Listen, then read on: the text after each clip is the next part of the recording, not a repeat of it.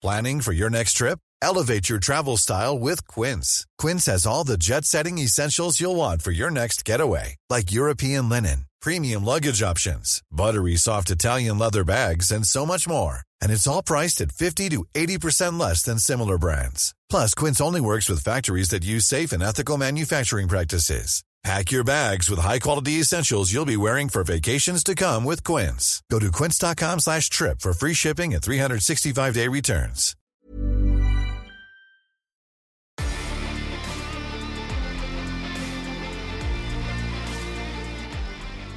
Ja, löjtnant, vi har kommit till den 2 december, nådens år 2022.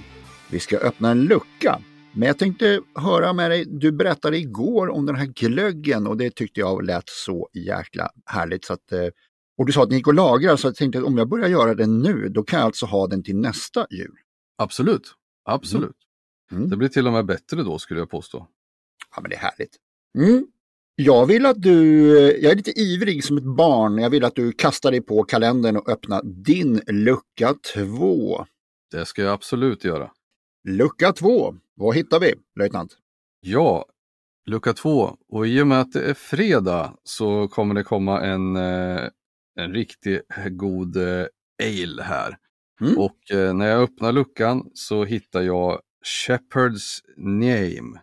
Inte, Ah. ne- inte name utan N-E-A-M-E. Just, Eh, och det är Christmas Ale.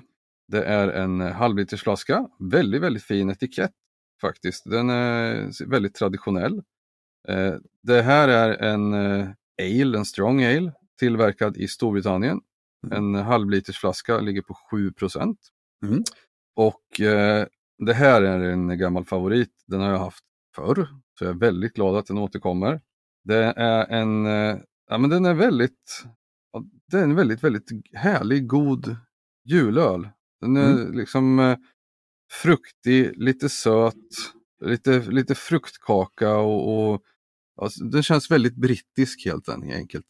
okej. Alltså Mm. det, det, det, man, man får eh, brittisk eh, känsla när man dricker den här. Så det är väldigt eh, ja, men, hä- härligt julig på ett Mm. lite lättare sätt tycker jag. Mm. Så Shepherds Name eller Niame, jag vet inte vad det betyder. Eller hur det uttalas. Folk får googla. Ja, de får googla. Men eh, man hittar den ju om man söker på Christmas Ale helt enkelt. Ja, ja. Väldigt, väldigt god.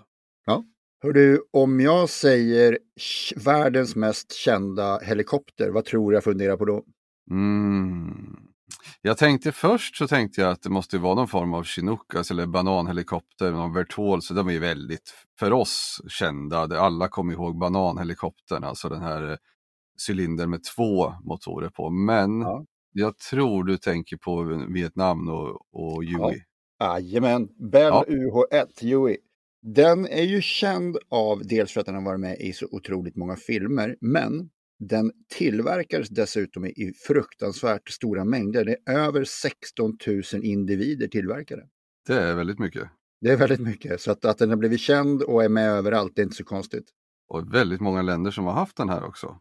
Ja visst, otroligt många. Över 30 länder. Mm. Vi hade ju också en variant på eh, Helikopter 3, Augusta Bell, Just. licenstillverkad eh, historia. Eh, just det, du har väl för 17 flugit en sån här? Ja, Helikopter 3, ja absolut. Ja, Och du med? Ja, ja, just, jag också, absolut. Ja, fränt. Härligt, härligt. Det är något speciellt. Mm, mm. Och då är det dags att öppna lucka nummer två i eh, historisk kontext. Jajamän, det är det. Och då är vi inne på den 2 december givetvis och vi går tillbaks till 1917, första världskriget. Där Ryssland och centralmakterna, de skriver då en pakt, Brest-Litovsk-pakten. Och fredssamtal leder då fram till den här pakten. Så att man börjar se änden på det första världskriget. Och vi, du får lite bonus här. Det är nämligen 1943 så har, eh, då anfaller Luftwaffe en hamn i Bari i Italien och sänker flera lastfartyg, inklusive det amerikanska SS John Harvey som är lastat med hur mycket som helst av första världskrigs senapsgas. Mm. Mm. Okay. Så kan det gå. Så kan det gå. Och du frågade mig igår eh, om, om eh, jag hade några speciella förberedelser och då kom vi ju helt eh, osökt in på glögg där. Ja. Har du någonting som vi behöver ta upp eh, nu i tid?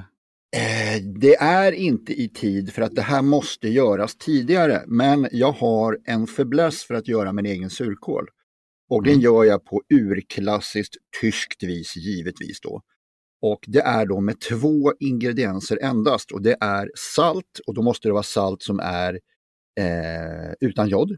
För att mm. joden hämmar ju bakterietillväxten och här behöver vi bakterier. Så att vad vi gör är att vi tar och eh, strimlar vitkål och sen tar man och mosar den i en burk med, eh, jag har då ett gammalt baseballträ faktiskt, som är avsågat och eh, som jag då mosar med så att det börjar tills det börjar fukta och, vätska ordentligt.